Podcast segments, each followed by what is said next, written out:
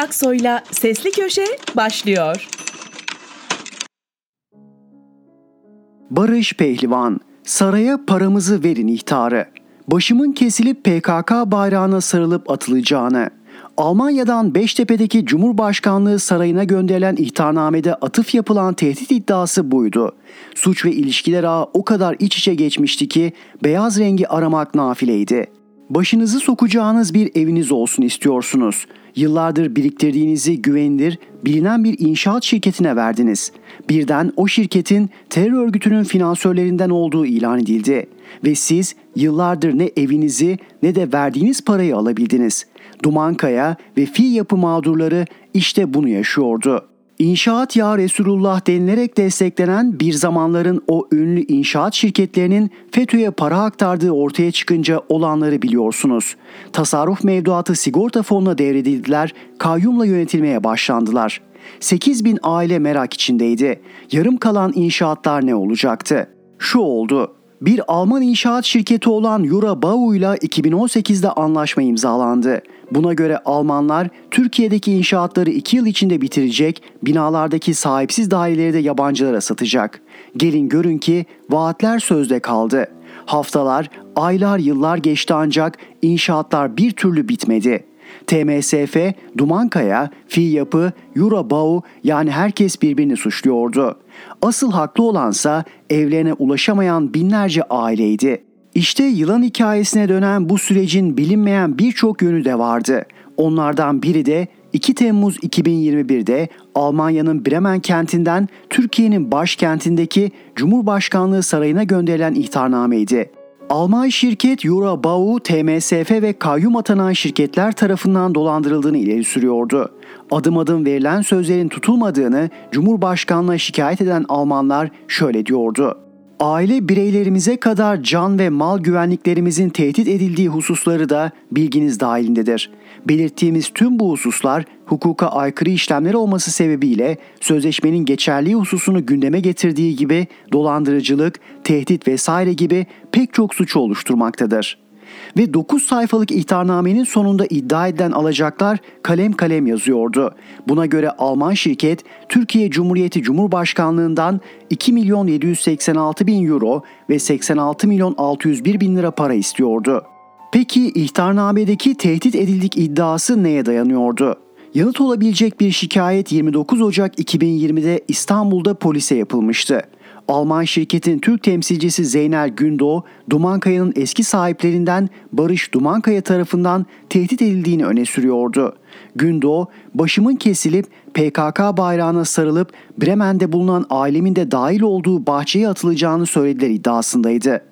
Dumankaya'nın yalanladığı bu tehdit önce polis tutanağına sonra Cumhurbaşkanlığına gönderilen ihtarnameye geçmişti. İnsanların para biriktirip ev almak istediği, toplanan paraların Fethullahçılara aktığı, bundan dolayı tutuklananların para verip serbest kaldığı, ardından kurulan sistemin para dolandırıcılığıyla itham edildiği bir öykü bu. Her yerden kir akıyor. Barış Pehlivan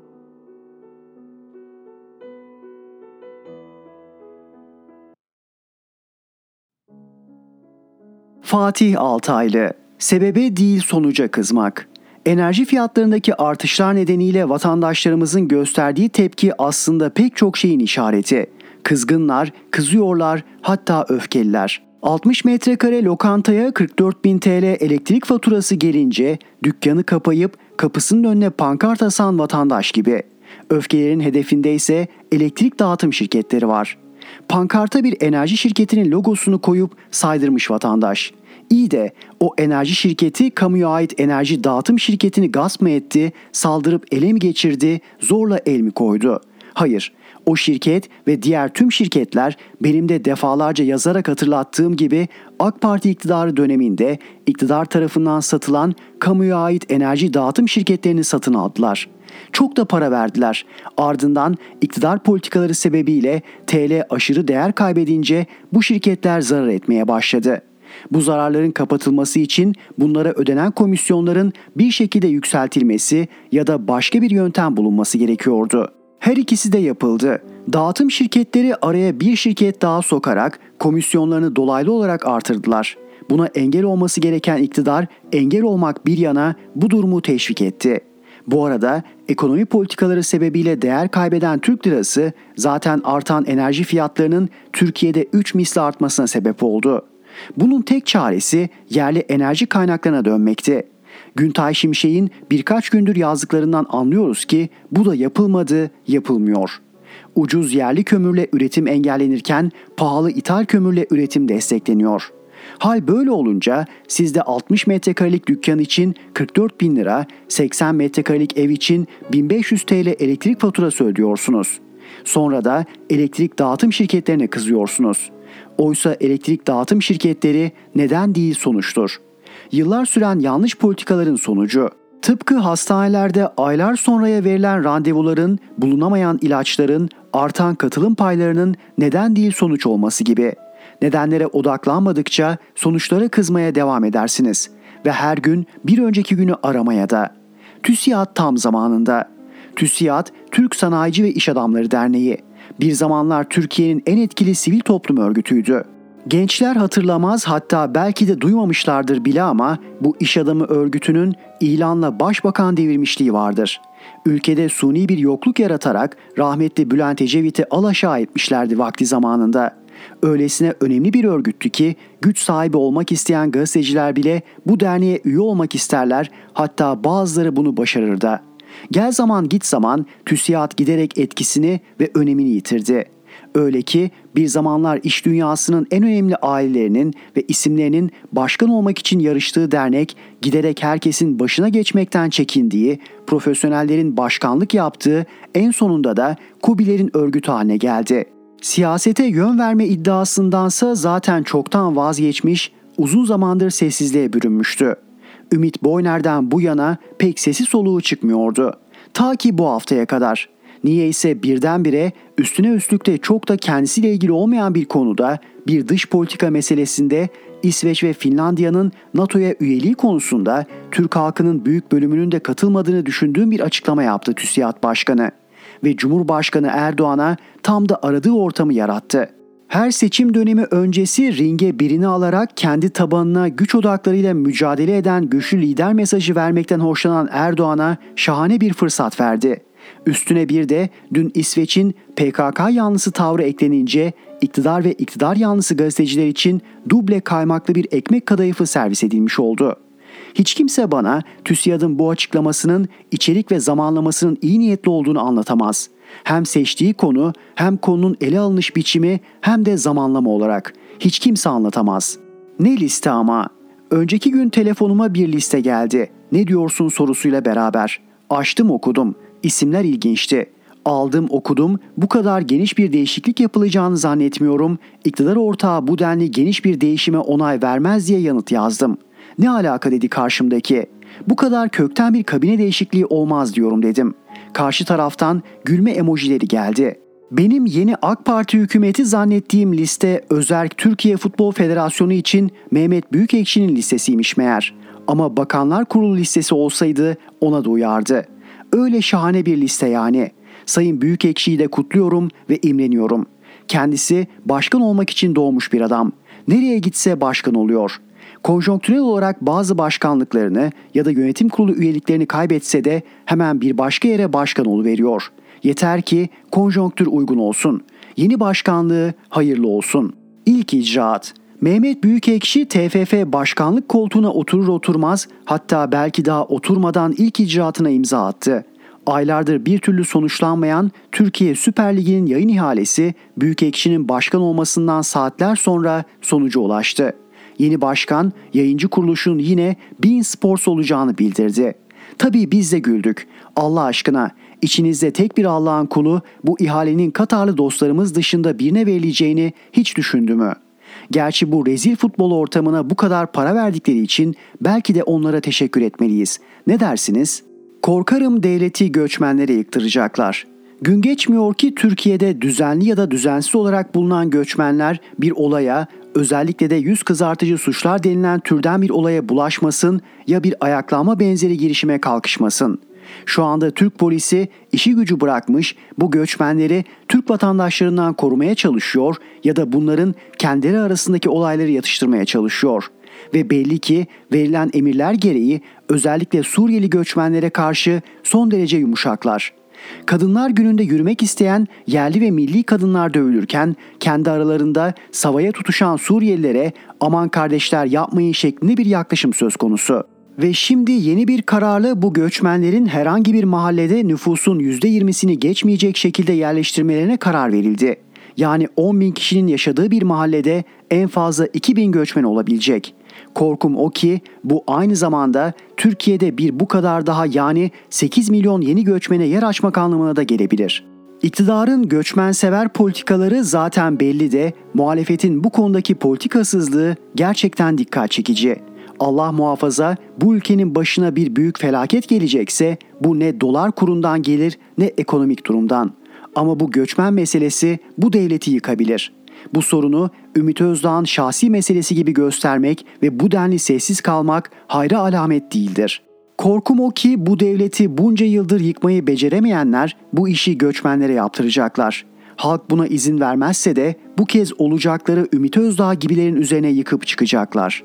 Lokanta iyi ama küçük. İstanbul Büyükşehir Belediyesi özellikle öğrencilerin ama genel olarak fakir fukaranın çok ucuza yemek yiyeceği kent lokantaları açıyormuş. Bu ekonomik ortamda doğru bir yaklaşım. Bir belediyenin yapması gereken bir iş. Ben sözde dev projelerden daha fazla insan hayatına dokunan böyle işleri seviyorum. Hele hele bugünün ekonomik ortamında. Cumhur'un çöpten meyve sebze toplamaya başladığı, öğrencilerin tarikat kontrolündeki yurtlara mahkum edilerek parasızlık ve baskıdan intihara sürüklendiği günlerde. İlk lokanta Çapa'da açılacakmış ve bu lokantalarda sadece kadınlar istihdam edilecekmiş. Gerçekten şahane. Ancak bir sorun var. Bu lokantada günde 500 kişiye yemek verilebilecek. Sadece o bölgedeki üniversitelerde binlerce öğrenci var ve bunların büyük bölümü dar gelirli ailelerin çocukları. Dahası yine o bölge İstanbul'da Suriyeli göçmenlerin de çokça olduğu bir yer.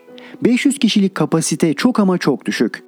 Tamam biliyoruz başka kent lokantaları da açılacak ama o güne kadar o lokanta önünde oluşacak izdam görüntüleri bu yararlı işi bir anda çok hatalı bir iş haline getirebilir.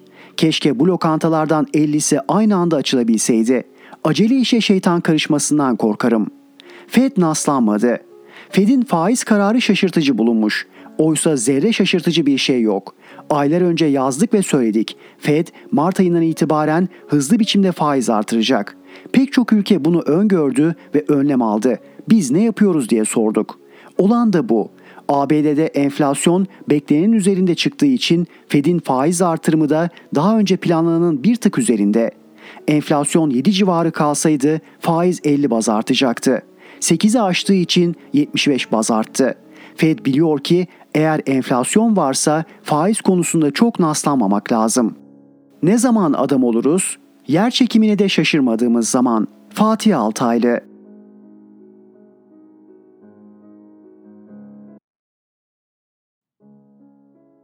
İsmail Saymaz Utanç tutanakları Erzurum'daki Hacı Bahattin Evgi yatılı erkek Kur'an kursunda iki çocuğa tecavüzde bulunan, beşini istismar eden kaçak belletmen HA'ya 119 yıl 6 ay hapis cezası verilmişti. Erzurum 4. Ağır Ceza Mahkemesi'ndeki yargılama basına kapalı görüldüğü için HA'nın sorgusu kamuoyu tarafından öğrenilemedi. Nihayet gerekçeli karar açıklandı. Böylece Erzurum'daki utanç 71 sayfa halinde tutanaklara döküldü. HA duruşmada ilk önce istismar iddiasını reddederken mahkeme başkanı Yakup Taşlıova'nın sarsıcı soruları karşısında işin aslı hakim bey diyerek M ile U'ya ikişer kez tecavüz ettiğini kabul etti. Aynı şekilde HA başlangıçta Haydar adlı sopayı kullanmadığını söyledi. Taşlıova sıkıştırınca ders konusunda gözdağı için dövdüm dedi. Çocuklardan birinin beline sarılmış evet fakat neden derslerini sormak için kuşkusuz birkaçını öpmüş öpmesine. Gel gör ki sebebi var. Kendisine ısındırmak için. Tamam çocukların yatağında yattığını reddetmiyor. Yattıysa da şimşekli gecelerde ağaç gölgesinden korkanları teskin etmek amacıyla. Yani her ne yaptıysa abi şefkatiyle yapmış. Öyle diyor.'' Hacı Bahattin Evgi yatılı erkek Kur'an kursunda müftülükten denetime gelen hiçbir görevliyle karşılaşmadığını, kaçak çalıştığını, maaşını bir hayırseverden aldığını, Yozgat'taki yurtta ise kadrolu görev yaptığını itiraf ediyor. Başkan, kursa ne zaman katıldın? Görevin var mıydı? HA, 2020'de Arapça eğitimi için başvurdum. 2021 Mayıs'a kadar Arapça eğitimi aldım. Mayıs'tan Ekim'e kadar ücret mukabilinde belletmen olarak görev yaptım. Diyanet mi ödüyordu? Resmi bir şeyim yoktu. Maaşımı hayırsever bir iş adamından alırdım. Müdür burada bulunduğunu biliyordu değil mi? Müdür NK bana işi teklif etti, kabul ettim. Yatılı mı kaldın? Evet. Görevin neydi? Hocalar gittikten sonra çocuklara derslerini yaptırırdım. Yemeklerini yedirirdim, temizliklerine bakardım. Çocuklar da yatılı mıydı? Evet. Başkan, ilçe müftülüğünden kontrole gelirler miydi? Ara sıra ben görmüyordum. Sormadılar mı kimsin diye. Öğrenci olmadığın belli yaş itibarıyla. Kimse demedi mi ne iş yapıyorsun? Gelmezdi hiç. Ben rastlamadım kendilerine. Belki de ben olmadığım zamanlar gelmişlerdir. Hiçbir yetkiliyle denk gelmedim mi? Geldim ama biliyordu orada belletmenlik yaptığımı. Kim biliyordu? Müftülükten hoca vardı, nöbete geliyordu. Başkan, akşam beraberdiniz. O zaman senin kaldığını biliyordu. Evet, ismini hatırlıyor musun hocanın? Hüseyin Aydoğan. İşin aslı Hakim Bey size doğruları söyleyeyim. Evet dinliyoruz. İki kere oldu. Birincisini hatırlamıyorum, boşluğuma denk geldi. Başkan, biraz önce anlattığın ikincisi miydi? HA, birincisiydi herhalde. İkincisi de U ve S beraber oldu. S kayda almış olabilir. Videoyu hiç görmedim. U ile bir kere oldu. Başkan, ikisiyle aynı anda yaptın doğru mu? Evet. Başkan, S'nin iki kez eyleme maruz kaldığı ortaya çıkıyor. Yalnızken yaptım dedin, şimdi U ile olanı söyledin. O zaman S de iki kez doğru mu? Evet. Başkan, F yemekhanedeyken beli ve poposuna elinle dokunduğunu, yatağına gidip sarıldığını, öptüğünü, porno video izlettiğini, yaşadıklarını ailene anlatırsan öldürürüm diyerek tehdit ettiğini beyan etmiş. Ne dersin? Beline sarıldım evet. Soracağım soruya cevap aldıktan sonra bıraktım. Dersini yaptın mı diye sordum. Evet dedi. Amacın neydi? Sırtını sıvazlamakta ama ben oturduğum yerdeydim, o ayaktaydı. Başkan, beline denk geldi diyorsun. Evet, F'yi öptüğünü beyan etmişsin. Doğru değil. Belki şefkat öpücüğüdür. Bir düşün, hatırlıyor musun? Bir kere oldu. Anlat bakalım. Dersteydik o zaman. F kursa geldiğimden beri bana biraz soğuktu. Isındırmak için yanağından öptüm. Yatağına girdin mi? Hayır. Doğruları söyle. Belki abi şefkatiyle girmişsindir. Sadece arada sırada şeyle beraber yatardık. O da hep beraber. Gider otururdum sabahları. Onlar yataklarını yaparken ben de yatardım. Başkan, el kadar çocuk hepsi. Belki gece korkar, kötü rüya görür, seni de abi olarak görür, yanımda dur diyebilir. Öyle bir olay oldu mu? Bir keresinde hava biraz soğuktu. Gök gürültüsü falan şimşek çakıyordu gece. Kursun önünde ağaç vardı. Gölgesinden korkmuşlardı. O zaman bir iki dakika yanlarında durdum. Başkan, e aynı yataktayken porno izleyelim mi ve sevişelim mi dediğini, yanağından öpmek için müdahalede bulunduğunu ancak kafasını çekerek ilk etapta senden kurtulduğunu, bir diyeceğin var mı? HA, aynı yatakta evet yattık. O gece dedi ki, abi korkuyorum biraz. Gel dedim, o zaman burada yat bugün. Yatarken belirttiği olaylar oldu mu? Olmadı. Neden sana böyle detaylı olarak iftirada bulunsun? Bilmiyorum. Belki arkadaşlarıyla olan samimi münasebetinden dolayı. Başkan, arkadaşıyla münasebetini idareye, annesine babasına söyler. Namusunu ortaya atar mı oğlum? Böyle bir şeyi sen atar mısın? Atmam. Film izlediniz mi? İzledik evet. Anlat bize. Neden öptün? Sevgi amaçlı sadece abi olarak. Başkan, A ile bir sorunun var mıydı? Kendisini dövmüş müydün? H.A. Derste 2-3 defa dövmüştüm. Nasıl? Tokat attım, terlikle vurdum. Sopayı nerede taşırdın, nerede saklardın? Odanda mı, derslikte miydi?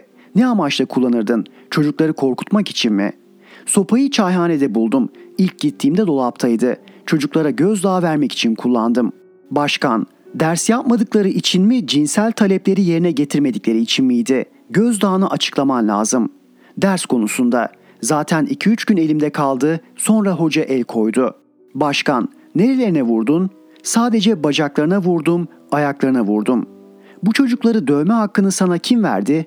Kur'an kursuna gitmişsin Yozgat'a ve orada yakalanmışsın. Yozgatlı değilsin. Seni kim yönlendirdi? Arkadaşım Şeyhe Yozgat'ta Kur'an kursunda görevliydi. Kendisi sınava çalıştığı için yerine adam aradığını söyledi. Ben de kabul ettim. Görevin neydi? Hacı Bahattin Evgi Kur'an kursundaki işime devam etmekti. Belletmen gibi mi? Evet ama resmiydi. Bu arada HA'nın yargılamaya olumlu katkısı bulunmadığı, özür dilemek ve yaptığının yanlış olduğunu söylemek gibi pişmanlığı gösteren bir fiil içine gitmediği için takdir indirimine gidilmedi. HA'nın 16 çocuğa eziyet yaptığı iddiasıyla Erzurum 7. Asliye Ceza Mahkemesi'nde açılan davasının son duruşması 15 Haziran'da görüldü. Mahkeme, Diyanet İşleri Başkanlığı'na yazı yazarak iki soru yöneltti. Sorular şöyle. HA'nın resmi görevlendirilmesi var mıydı? Suçtan 6 ay öncesinden başlamak üzere kursun denetimi yapıldı mı? Mahkeme yapılmışsa denetime ilişkin evrakları istedi. İsmail Saymaz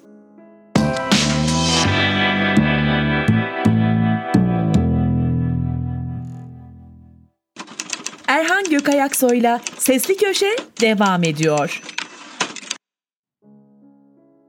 Mehmet Tezkan, Erdoğan ve Bahçeli'nin seçimi kazanma formülleri. Erdoğan partisinin il başkanlarına hitap ederken 2023 seçimlerini nasıl kazanacaklarının formülünü açıkladı. Zor değil, gayet basit dedi ve ekledi. AKP'nin 11 milyonu aşkın üyesi var. Her üye bir yeni üye getirirse 23 milyon üye yapar. Seçimi seçimden önce kazanırız. Mesele bitti. Bu hesap tutar mı geleceğim oraya. Önce ortağının seçimi kazanma formülüne de bakalım.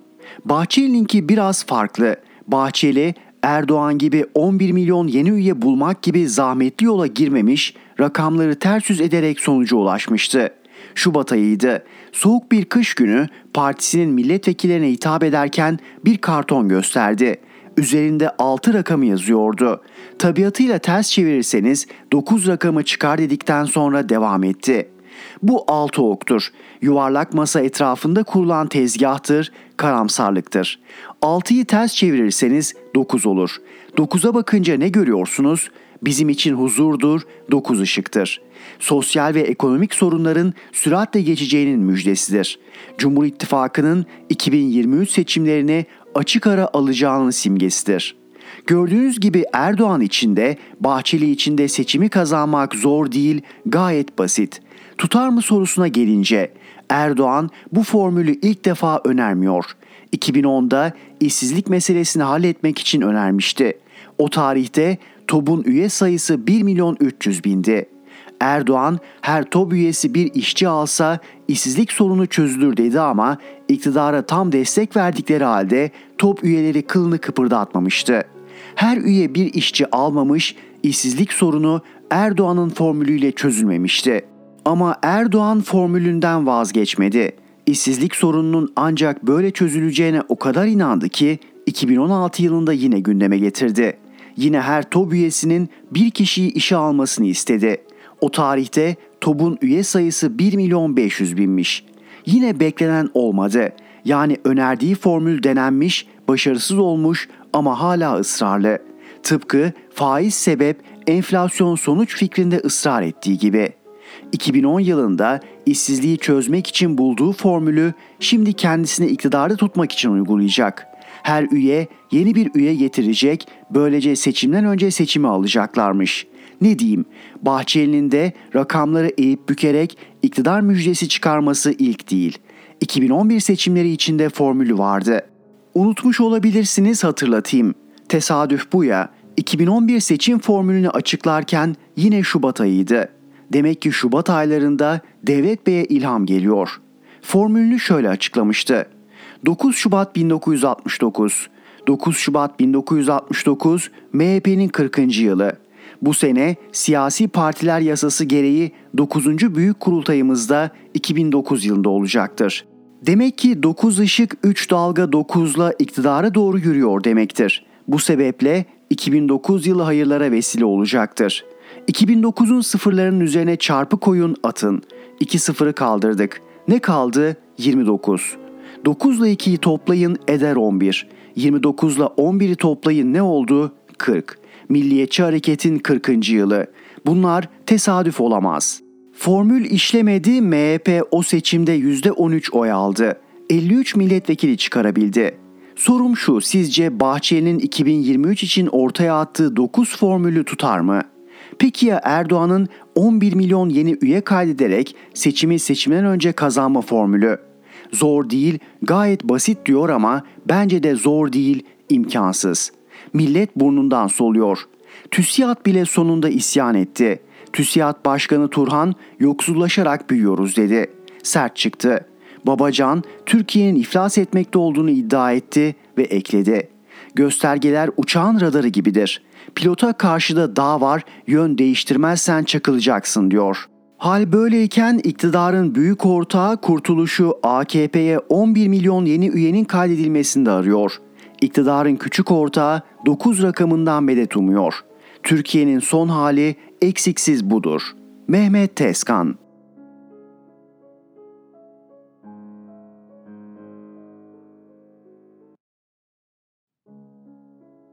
Miyase İlknur, aç bakalım. Gezi direnişi sırasında polisten gaz yiyen gençlerin sürekli yinelediği şöyle bir slogan vardı. Sık bakalım, sık bakalım, biber gazı sık bakalım, kaskını çıkar, copunu bırak, delikanlı kim bakalım. Son günlerde iktidarın huzurunu kaçıran kim varsa hakkında dava ve soruşturma açılan, vergi incelemesine maruz kalan ve tehdit edilenlerin sayısı katlanarak artıyor.'' Yağmur gibi açılan davalar ve soruşturmalar sebebiyle mağdurlar adına biz de bir slogan üretelim bari. Aç bakalım, aç bakalım, davaları aç bakalım. Cübbeni çıkar, makamı bırak, delikanlı kim bakalım. Son bir ayda hakkında dava ya da soruşturma açılanları şöyle bir anımsayalım.'' CHP İl Başkanı Canan Kaftancıoğlu'nun bu makama gelmeden yıllar önce attığı ve fikir hürriyeti kapsamında değerlendirilecek tweetler sebebiyle hakkında dava açıldı. Sonrası tutuklama kararı ve siyaset yasağı. Peki Canan Kaftancıoğlu ne zaman il başkanı seçildi? Ocak 2018 yılında. Kaftancıoğlu'nun 8 yıl önceki tweetleri daha il başkanı seçilmeden bir başka adayı destekleyen televizyonda yayımlandı. Bir gün sonra kimliği gizli biri CİMER'e suç duyurusunda bulundu. Savcılık soruşturma hazırladı. Dava ne zaman açıldı? 2019 yılı Mayıs ayında. Yani 31 Mart yerel seçimlerinde CHP'nin İstanbul'u kazanmasından sonra AKP'nin cezalandırma yöntemi de bu. İl başkanlığından sonra hafta içinde bu kez de parti üyeliği düşürüldü. Kaftancıoğlu'na verilen cezayı eleştirdiği için Emniyet Genel Müdürlüğü tarafından emekli Emniyet İstihbarat Daire Başkanı Sabri Uzun'un rütbeleri söküldü. Selahattin Demirtaş'a verilen cezayı televizyonda eleştiren emekli Emniyet Müdürü Hanefi Avcı'nın da rütbelerinin sökülmesi için hakkında soruşturma başlatıldı. ENAK kurucusu ve gazetemiz yazarı Veysel Ulusoy hakkında soruşturma açıldı. Gerekçe gerçek enflasyon rakamlarını paylaşmak. AKP'nin önerisiyle Türkiye Büyük Millet Meclisi'nde önceki gün kabul edilen ve kamuoyunda dezenformasyon yasası olarak isimlendirilen yasada kamuoyunu yanıltıcı bilgi paylaşımı yapan kişi ve kurumların cezalandırılması öngörülüyor. TÜİK dezenformasyonun alasını yaparken onlar hakkında soruşturma yok, Veysel Ulusoy gerçek rakamları paylaştığı için ona ceza. İstanbul Büyükşehir Belediye Başkanı Ekrem İmamoğlu hakkında da 31 Mart 2019'da yapılan İstanbul Büyükşehir Belediye Başkanlığı seçimlerinin iptal edilmesinin ardından yaptığı basın açıklamasındaki sözleri sebebiyle dava açıldı. Pegasus çalışanlarından birinin Kadir Gecesi arkadaşlarıyla meyhanede alkol alırken çektiği resmi paylaşıp altına alt tarafı densizlik denilip geçilecek bir cümle yazıldığı için tüm çalışanlar hakkında dava açıldı. Man Adası davasına müdahale ettiğine dair hükümet kanadından haber kaynaklarından aldığım kulis bilgisini yazdığım için eski İstanbul Cumhuriyet Başsavcısı şimdi Anayasa Mahkemesi üyesi İrfan Fidan da bizim hakkımızda dava açtı. Neredeyse Türk Ceza Kanunu'nun ne kadar maddesi varsa hepsinden ceza istiyor. Canı sağ olsun. Gerçeklerin er geç açığa çıkma gibi bir huyu vardır deyip geçelim.'' Eski Avcılar Belediye Başkanı Handan Toprak Benli Nisan ayından beri tutuklu. Daha evi aranırken ve emniyet tarafından ifadesi bile alınmadan hakkındaki suçlamalar yandaş kanallarda altyazı olarak geçiyor. Biz bu yöntemi Ergenekon sürecinden biliyoruz. Demek ki iktidar FETÖ'yle flört dönemini hayli verimli geçirmiş. Onlardan gözaltına alınmadan itibarsızlaştırma yöntemlerini iyi öğrenmiş. suçlamaya dayanak yapılan soruşturma 7 yıl önce yapılmış. İçişleri Bakanlığı tarafından da belediye başkanı hakkında soruşturmaya gerek yok denmiş ama 7 yıl sonra gerek olduğuna karar vermişler. Tutuklanan hiçbir belediye yöneticisinin başkan hakkında tek bir aleyhte ifadesi olmamasına ve söz konusu ihalelerde imzası olmamasına rağmen hem de Ankara'yı parsel parsel satan, fesat karıştırmadığı neredeyse hiçbir ihale kalmayan eski Ankara Büyükşehir Belediye Başkanı Melih Gökçek, sosyal medyadan ona buna sataşırken Handan Toprak Benli cezalandırılıyor. Geçenlerde iktidar kanadından bir kaynağımla sohbet ederken bu daha ne ki? İki ay sonra iktidar cenahı muhalefet kanadına yönelik çok ağır itibarsızlaştırma kampanyası başlatacak dedi. Demek ki bunlar iyi günlerimiz. Unutmayalım ki o makamlar bir gün gelir değişir. O cübbeler çıkar, o bir telefonla verilen talimat üzerine açılan davalar düşer. Hesaplaşma ve helalleşme günü o gündür. Miyasi İknur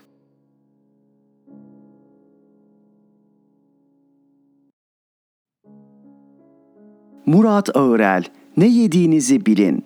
Yıllardır yolsuzluk yazıyorum. İhale takipçilerinin cebe indirdiği paraları ifşa ediyorum, bağırıyorum, çağırıyorum, hapse giriyorum, çıkıyorum vesaire. Hep ben dahil gariban halkın hakkının yenmemesini, ezilmemesini, sömürülmemesi için uğraşıyorum. Hatta iki haftadır katıldığım televizyon programında ülkemizde gerçekleşen dolandırıcılık hadiselerini ve mağdurların yaşadıklarını anlatıyorum.'' Zaten zar zor kazanan yurttaşların bu oyunlara gelmemesi için uyarıcı olmaya çalışıyorum. Tabii programdan sonra yüzlerce geri bildirim alıyorum. Durumun gerçekten bu kadar vahim olduğunu da bilmiyordum. Gelen mesajlardan bir tanesi ise çok daha endişe vericiydi. Çünkü konu sağlık. Tarım ve Orman Bakanlığı Mart ayında 2022 yılına ait hileli ürünler listesini yani taklit ve taşiş yapan firmaları ifşa etti.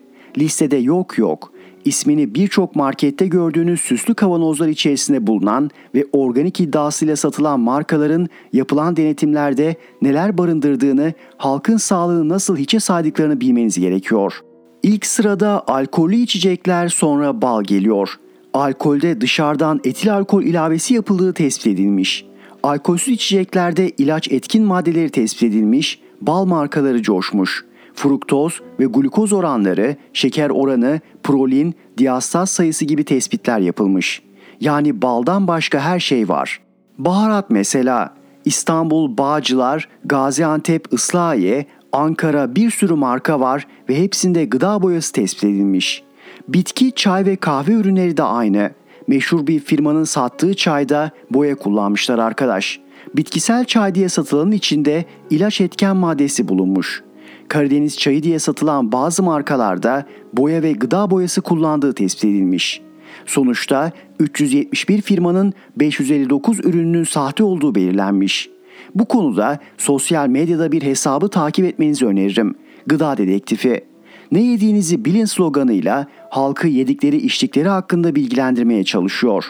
Bizlerin çocuklarımızın yediği içtiği ürünlerle ilgili bilgiler veriyorlar. Bu haberleri görünce sayfalarını tekrar inceledim. Akıl alır gibi değil.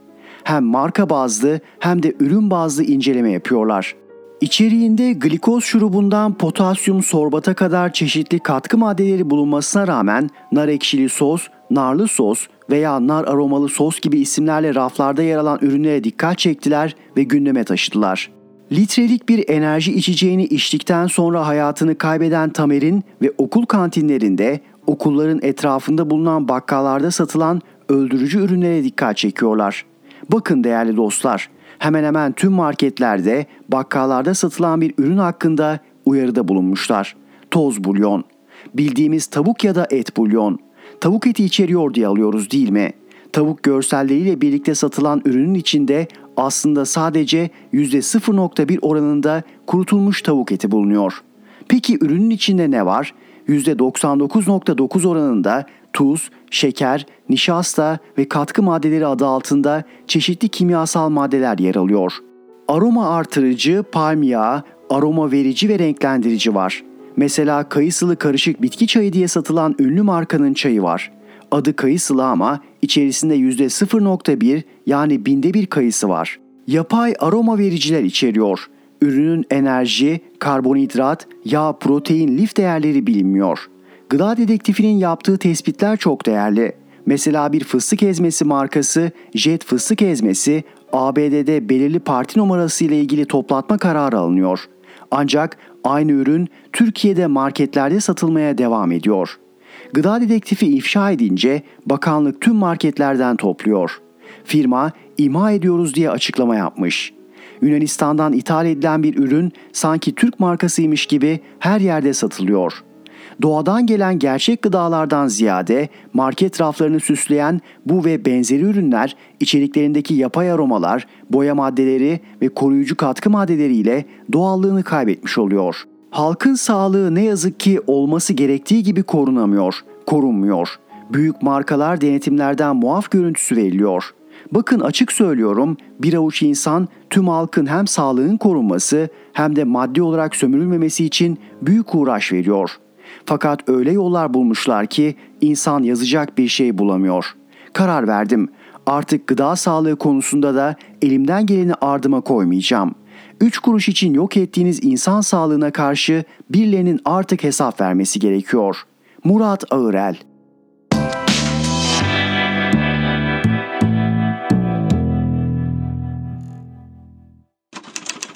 Erhan Gökayaksoy'la Sesli Köşe devam ediyor. Müyesser Yıldız, Şehitler Tepesi dolarken, şehitler peş peşe gelirken ve Ankara terör örgütlerine yardım yataklık ettikleri için İsveç'te Finlandiya'nın NATO üyesi yapılmasına karşı çıkarken günün haberini Abdülkadir Selvi verdi. Kulislerden edindiği izlenime göre İmralı'daki terörist başına bir yakınıyla görüş izni verilecekmiş. İmralı'ya gönderilecek o yakın kardeşi Mehmet Öcalan veya yeğeni HDP Şanlıurfa milletvekili Ömer Öcalan olabilirmiş. Bu iznin bir defalığına mı olacağı yoksa belli aralıklarla devam mı edeceği belli değilmiş. Bu açılımın sebebi hikmeti ise Öcalan'a tecrit uygulandığı iddiasıyla PKK-HDP'nin yarattığı gerginliğe son vermekmiş. Selvi neyse ki içimizi rahatlatmış, yeni bir çözüm süreci başlatılmıyormuş. Öyle bir çalışma yokmuş, kendisi de böyle bir izlenim edinmemiş. Ama çelişkiye düşme pahasına şunu da vurgulamış. Önemli olan bu görüşmeden ne çıkacak? Öcalan, Kandil'e ve HDP'ye bir mesaj gönderecek mi? Buyurun cenaze namazına. Eğer söz konusu açılım bir yakınıyla sıradan görüşme ise bu görüşmeden ne çıkacağı niye merak ediliyor? Kandil ve HDP'ye bir mesaj gönderip göndermemesi niye önemseniyor? Dahası tüm cezaevlerindeki görüşlerde adeta sineğin yağı çıkarılırken bu tescilli terörist başının örgüte ve siyasi uzantılarına alenen mesaj göndermesine nasıl ve niçin göz yumulacak? Birileri unutmuş olabilir o yüzden filmi başa saralım. Öcalan kim? Terör örgütü kurmak ve yönetmekten ağırlaştırılmış müebbet hapis cezasına çarptırılmış bir katil. Ayrıca kendileri sadece PKK'nın değil açılım saçılım sürecinde İmralı'dan bizzat onun talimatıyla kurulan, başına da manevi oğlu Mazlum Kobani'yi atadığı YPG-PYD'nin de onursal başı. Ona uygulanan tecridin sebebine İmralı'dan Kandil'i ve HDP'yi yönetmesi. Şimdi bu tecrit niye kaldırılacakmış? PKK HDP'nin yarattığı gerginliğe ve Öcalan istismarına son vermek içinmiş. Öyleyse terörist başına uygulanan bu tecridin kaldırılması için hafta sonu İstanbul Kadıköy ve birçok yerde Kandil'in talimatıyla düzenlenen olaylı gemlik yürüyüşü gösterileri hedefine ulaşmış olmuyor mu? Devam edelim. Olası İmralı ziyaretçisi yeğen milletvekili Ömer Öcalan kim? Geçtiğimiz aylarda PKK-HDP'nin öncülüğünde başlatılan Kürtçe seçmeli ders kampanyasına bu bir imkandır ama 25 milyon Kürt için dillerinin seçmeli olmasına karşıyız. Kürtçe, Orta Doğu'nun dört devleti arasında ezildi, 100 yıllık asimilasyon söz konusu. Önümüzdeki zaman diliminde Kürtçenin resmi dil ve eğitim dili olması için bir programımız mevcut sözleriyle destek veren kişi. Başka, Türkiye Büyük Millet Meclisi çatısı altında Irak'ın kuzeyinde devam eden ve her gün şehit verdiğimiz Pençe Kilit Harekatı aleyhinde konuşurken Türkiye'nin ömrü de uzun değildir. Türkiye kendi iç sorunlarıyla artık bir cebelleşme noktasına gelecektir dediği için Ankara Cumhuriyet Başsavcılığının hakkında soruşturma başlattığı biri. Ömer Öcalan'ın o açıklamasına AKP Erzurum Milletvekili İbrahim Aydemir de şöyle tepki göstermişti. HDP'li Ömer Öcalan, terörist başının yeğeni, Türkiye Cumhuriyeti'nin ömrü fazla değil diyor. Sen o hülyayı daha çok görürsün. Dilin kurusun senin. Beter olacaksınız inşallah. Demek AKP'nin dilin kurusun dediği şahıs terörist başının dili olacak. Bugün medyada bir haber daha var. İsveç'teki PKK'lılar Öcalan ve PKK propagandası yapmış. Başkent Stockholm'daki belediye binasıyla kentin sembol yapılarından birine terörist başı Öcalan'ın fotoğraflarıyla örgüt paçavraları yansıtılmış. İktidarın gazetesi Sabah'ta PKK-PYD'nin Stockholm'daki inine girip İsveç'in NATO üyeliğini veto konusunda Türkiye'yi haklı çıkaran görüntülere ulaşmış. Sadede gelirsek, sadece İsveç ve Finlandiya değil, görünürde ABD başta olmak üzere tüm NATO ülkeleri PKK'yı terör örgütü sayıyor. Sorun ne? YPG-PYD'yi terör örgütü kabul etmemeleri. Ankara'da bunun için İsveç ve Finlandiya'nın NATO üyeliğine karşı çıkıyor. Ama bu arada aynı Ankara hem PKK'nın hem de YPG-PYD'nin başı Abdullah Öcalan'a ziyaret izni verip Kandil'e ve HDP'ye vereceği mesajı öğrenmeye, daha doğrusu bunu kamuoyuna duyurmaya çalışıyor. Şimdi o iki ülke başta olmak üzere tüm dünya size bu ne periz, bu ne lahana turşusu demez mi? Daha önemlisi Erdoğan Şehitler Tepesi boş kalmayacak demişti. Şehitler Tepesi dolarken terörist başını konuşturmak vicdanları hiç mi sızlatmaz? Müyesser Yıldız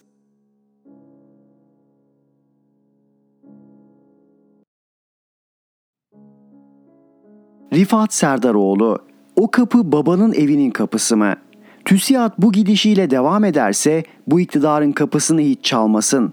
Bu kapı yerli milli duruş sergileyene açıktır, sergilemeyene kapalıdır.''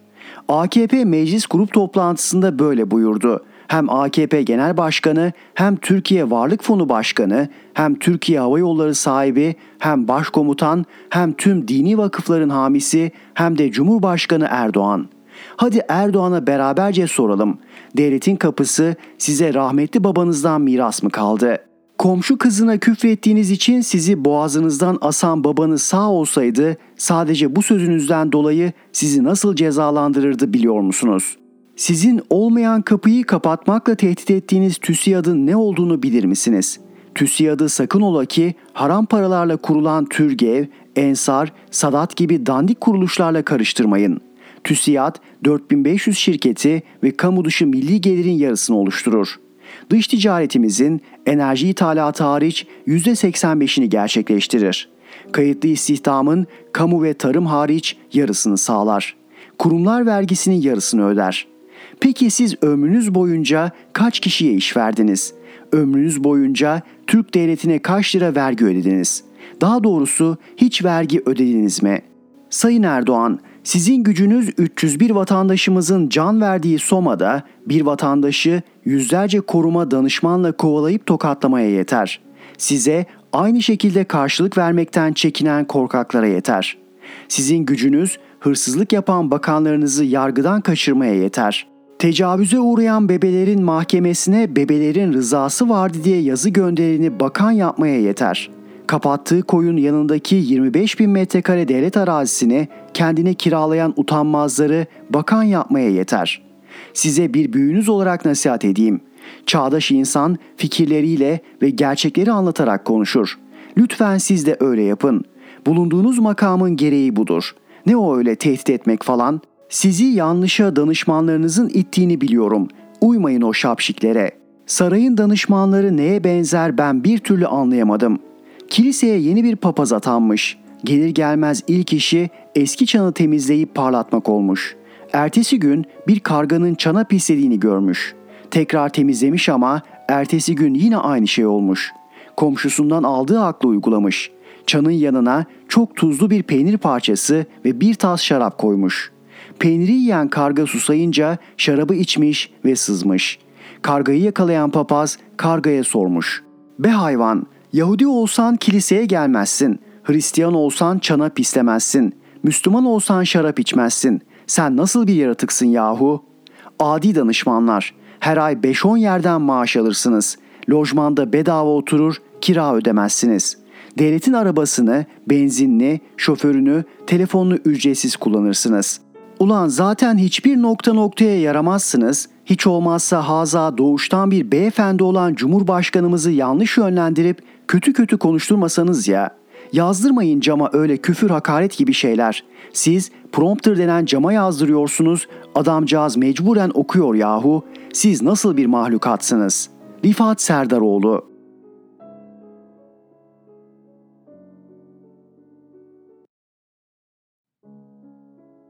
Türker Ertürk, iktidar ülkemizin geleceği için tehdittir. Doğuştan gelen veya genetik bazı farklılıkları saymazsanız 3 aşağı 5 yukarı tüm insanlardaki biyolojik beyin kapasitesi birbirine yakındır. Ama gelin görün ki zaman içinde farklılıklar oluşmaya başlar. 21. yüzyılda bu farklılığı yaratan en büyük etmen beyne erken yaşlarda aynı bilgisayarlarda olduğu gibi doğru işletim sistemini kurup kurmadığınızdır. Doğru işletim sistemi demek çağın işletim sistemi demektir. Bu çağın işletim sisteminin üç önemli özelliği ise bilimsel, akılcı ve sorgulayıcı olmasıdır. Bu işletim sisteminin telif hakkı yoktur, insanlığın tümüne aittir ve açık kaynaktır. Herkes kullanabilir. Ama ne yazık ki gerçekte bu böyle olmuyor. Eğer genç bir beyne 21. yüzyılın çağdaş işletim sistemi yerine sorgulamama, biat etme, koşullandırma ve ezber odaklı bir eğitim verirseniz o beynin zaman içinde akıl çapını geliştirebilme imkanını da yok edersiniz. Ezber ve koşullandırma doğruluğuna dair kuşku duyulmaksızın bilginin ve davranış kalıplarının kabullenilmesidir. Bu akıl durumuna sahip olan insan bakış açısını yani paradigmasını değiştiremez, analiz sentez yapma yeteneği çok sınırlıdır ve problem çözme kabiliyeti de neredeyse yoktur. Eğer bir toplumun bireyleri ağırlıklı olarak ezberci eğitimden geçirilmişse o toplumun sorun çözme kapasitesi de çok düşük olur. Daha da önemlisi sorunlarını çözemeyen toplumlar sorunlarını çözen çağdaş toplumlar tarafından çözemediği sorunları üzerinden istismar edilir, sömürülür ve yönetilir. İktidar çağımızın değil geçmişin aklı peşindedir. Dindar ve kindar gençlik yetiştirme ideali ise insanlığın orta çağdaki aydınlanma süreci öncesindeki akıl durumudur. Immanuel Kant'a referans yaparak bu durumu özetlersek, iktidarın suçuyla toplumu tekrar ergin olmama dönemine sokmaktır. İktidarın çağ dışı bir kimlik olan ümmet kimliği inşası da bu kapsamdadır. Bu rotada ısrarın kaçınılmaz sonucu ağır ahlaki çöküntüdür, insanlık için katma değer üretemeyen, sorunlarını çözemeyen asalak bir toplum olmaktır. Ayrıca bu kafa yapısı aynı zamanda Türkiye için bir güvenlik sorunudur. Her bakımdan çok değerli olan yaşadığımız bu coğrafyayı bu kafa yapısıyla koruyabilmemiz ve sahipliğini sürdürebilmemiz mümkün değildir. Çağ çok büyük bir hızla değişiyor.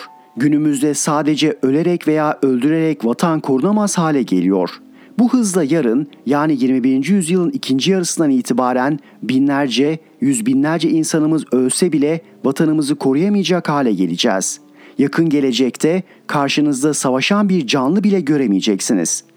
Artık karşınızda binlerce kilometre uzaktan gönderilen ve kumanda edilen robot askerler insansız ve silahlı hava, deniz ve kara araçlarıyla uzaydan sizi hedefleyen çeşitli silahlar olacak. Bundan sonra vatan savunması ölerek değil, yaşayarak, hayatta kalarak akılcı, bilimsel ve sorgulayıcı kafa yapısına haiz bilim insanlarına ve toplumuna sahip olarak ve üreterek yapılabilecek.'' Çağdaş bir kafa yapısının oluşabilmesi için olmazsa olmaz unsurların başında özgürlükler ortamı gelir. Ama bugün iktidar özgürlükleri adeta katleden bir yok edici durumunda. Tüm insanların sahip olması gereken dört temel özgürlük alanı var. Bu alanlar bir siyasi kişilik olarak ilk defa 2. Dünya Savaşı sırasında ABD Başkanı Franklin Roosevelt tarafından 6 Ocak 1941 tarihinde Amerikan Kongresi'ne hitaben yaptığı konuşmada dile getirildi. Bu temel özgürlükler 10 Aralık 1948 tarihli İnsan Hakları Evrensel Beyannamesi'ne de yer almaktadır. Bugün ülkemizi yöneten iktidarın ağır tehdidi altında kalan ve geleceğimiz içinde yaşamsal önem taşıyan bu özgürlükler bir ifade özgürlüğü, iki tapınma özgürlüğü, üç yoksulluk çekmeme özgürlüğü, dört korkusuzca yaşama özgürlüğüdür. İfade özgürlüğü bir ülkenin medeniyet yelpazesinde nerede olduğunu değerlendirmede başvurulabilecek temel kriterler arasındadır. İfade özgürlüğü insanların görüş, düşünce ve isteklerini başlarına kötü bir şey gelmesi veya kamu gücü tarafından başlarına kötü bir şey getirilmesi korkusu taşımadan serbestçe ifade edebilmeleridir. Düşünce özgürlüğü ile ifade özgürlüğü ayrılmaz bir bütündür. İfade özgürlüğü ihlalleri düşünce suçu denen bir suç türünü ihdas etmek anlamındadır. Bugün iktidar siyasallaştırdığı ve bağımsızlığın yok ettiği adalet mekanizması vasıtasıyla toplumun ifade özgürlüğü alanını büyük ölçüde daraltmıştır. İktidar tarafından açılan davalarda bu kapsamdadır. Geçen gün TBMM Adalet Komisyonu'nda kabul edilen, sosyal medyayı da etkileyecek olan ve bir anlamda sansür yasası olarak da değerlendirilen yasa ise ifade özgürlüğünü yok etme paralelinde yapılmış bir hamledir. İktidar seçimlere giderken halkı kandırmasını engelleyebilecek düşünce ve kanaatlerin medyada özellikle de kontrolü dışında olan sosyal medyada bulunmasını istememektedir. Tapınma özgürlüğü de çok ciddi biçimde iktidarın saldırısı altındadır. Çünkü tapınma özgürlüğü, tapınmama, istediği gibi tapınma özgürlüğünü de beraberinde getirmektedir. Bu özgürlüğün sağlanabilmesi için laikliğe ihtiyaç vardır.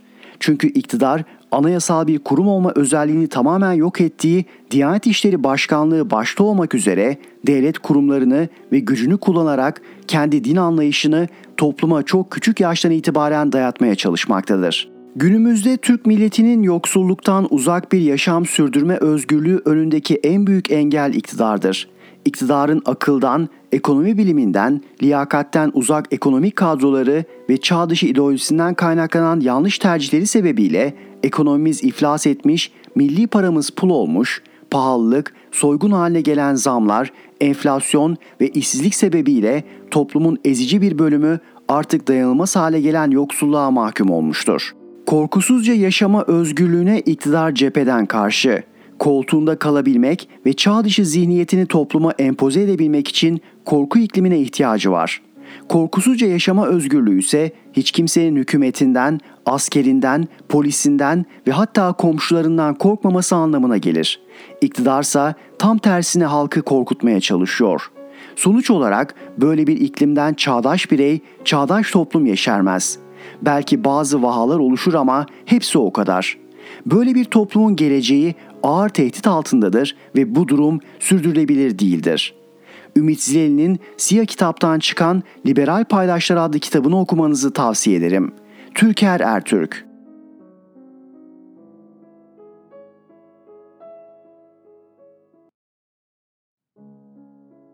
Zeynep Gürcanlı Orta Doğu'da alan temizliği ABD yönetimi kararlı. Orta Doğu'da küskünler barıştırılacak, çatışmalar bitirilecek. Trump döneminde İsrail'in Arap ülkeleriyle imzaladığı Abraham anlaşmaları ilk adımdı. Bu sürece Suudi Arabistan dahil olmamıştı. Şimdi ABD Başkanı Joe Biden'ın Temmuz'da yapacağı bölge turunda Suudi Arabistan'ın da ikna edilmesi planlanıyor. Biden bunun için Suudi Arabistan'a gitmeye bile razı oldu.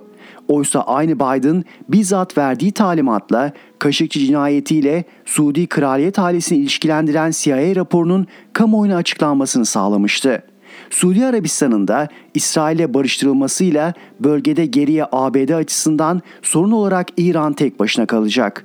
Belli ki yakın dönemde de İran'a yönelik baskı artacak. ABD yönetimi bunun için öncelikle İran'ın bölgesel etkisini kırmakla işe başlamış görünüyor. İlk adım Irak üzerindeki İran etkisini kırmak. Irak Enerji Bakanlığı geçen hafta yaptığı açıklamada Suudi Arabistan'la Ocak'ta imzalanan elektrik sistemlerinin birbirlerine bağlanmasına ilişkin anlaşmanın hayata geçmeye başladığı bilgisini verdi. Irak aynı zamanda Ürdün ve Türkiye'den de elektrik alıyor ancak yetmiyor. İhtiyaç büyük oranda İran'dan karşılanıyor. Amaç Suudi Arabistan bağlantısıyla İran'ı devreden çıkarmak, Irak'ın bu ülkeye olan enerji bağımlılığını ortadan kaldırmak. Baye'nin Irak'ta kurmakta olduğu dev güneş enerjisi tesislerini de bu açıdan okumak gerekiyor. Irak siyaseti de Orta Doğu'daki bu hareketlilikten etkilenmiş durumda. Ne İran ne ABD etkisi mesajıyla yola çıkan Sadr hareketine mensup milletvekillerinin Irak parlamentosundan topluca istifa kararı hem Irak siyaseti hem de bölge politikaları açısından şok etkisi yaratmış durumda. Sadr'ın tavrı seçimlerin üzerinden 9 ay geçmiş olmasına rağmen Irak siyasetindeki ABD ve İran çekişmesi sebebiyle bir türlü hükümet kurulamamasını protesto etmeyi amaçlıyor. Ülkenin güçlü siyasi hareketlerinden biri olan Sadrı belli ki siyaseti parlamento yerine sokaklara taşımaya karar verdi. Irak'ın kuzeyinde PKK terör örgütüne karşı sınır ötesi operasyonu sürdüren Türkiye'nin hem Bağdat'taki iç siyasi gelişmeleri hem de ABD'nin İran'ın yalnız bırakma politikasını çok daha yakından izleme, buna göre pozisyon alması gereken bir döneme girmiş görünüyoruz. Cumhurbaşkanı Erdoğan'ın yaptığı yakında Suriye'nin kuzeyine yeni bir terörle mücadele operasyonu olacak açıklamasının üzerine başlayan diplomatik hareketlilik ise isteneni verememiş görünüyor. Operasyon için umutla beklediği Rusya Dışişleri Bakanı Lavrov'un Türkiye ziyareti beklentiyi karşılamadı. Belli ki Moskova yeni bir Türk askeri operasyonuna yol vererek Suriye'de iletişimi hiç kesmediği PKK terör örgütü uzantısı PYD-YPG'yi ABD'ye tümden kaptırmayı istemiyor. Ziyaret sırasında Türk yetkililer Rusya'nın altına imza koyduğu Membiç ve Tel Rifat'ın PYD-YPG'den arındırılmasını öngören Suçi mutabakatından bahsettikçe Lavrov da Türkiye-Rusya arasındaki İdlib'in aşırı dinci terör örgütlerinden temizlenmesini öngören anlaşmadan bahsetti. Bir anlamda Türkiye kendi yükümlülüğü olan İdlib'i temizlemeden bize Tel Rifat ya da Münbiş'teki yükümlülüklerimizi hatırlatmasın mesajı verdi. ABD'den sınır ötesi operasyon için değil yeşil ışık yeni uyarılar geldi. Özellikle ABD'nin Suriye'de IŞİD'le mücadele için kurduğu uluslararası koalisyondan 16 Haziran'da yapılan açıklama adeta Ankara'ya meydan okuma niteliğinde. Uluslararası koalisyonun açıklaması üst düzey bir IŞİD teröristinin Suriye'nin kuzeyinde yakalandığını bildirmek için gerçekleşti. Ancak kullanılan ifadeler Ankara açısından bakıldığında son derece sorunlu. Açıklamada PYD-YPG'nin ana omurgasını oluşturduğu Suriye Demokratik Güçlerine özel olarak teşekkür ediliyor. IŞİD'le mücadele koalisyonunun Suriye Demokratik Güçleriyle çalışmaya devam edeceği güçlü ifadelerle yenileniyor. ABD yönetimi bu açıklama üzerinden Ankara'ya PYD-YPG ile işbirliğinden vazgeçmeyeceğiz mesajı veriyor. Tüm bunların üzerine bir ara hemen her açıklamasında Suriye'ye olası operasyona değinen Cumhurbaşkanı Erdoğan'ın son dönemde ne Suriye'den ne de operasyondan hiç bahsetmemesini eklemek gerekiyor. Belli ki Ankara'da Orta Doğu'da yeni kurulan düzende önünü görmeye, pozisyonunu ayarlamaya çalışıyor. Zeynep Gürcanlı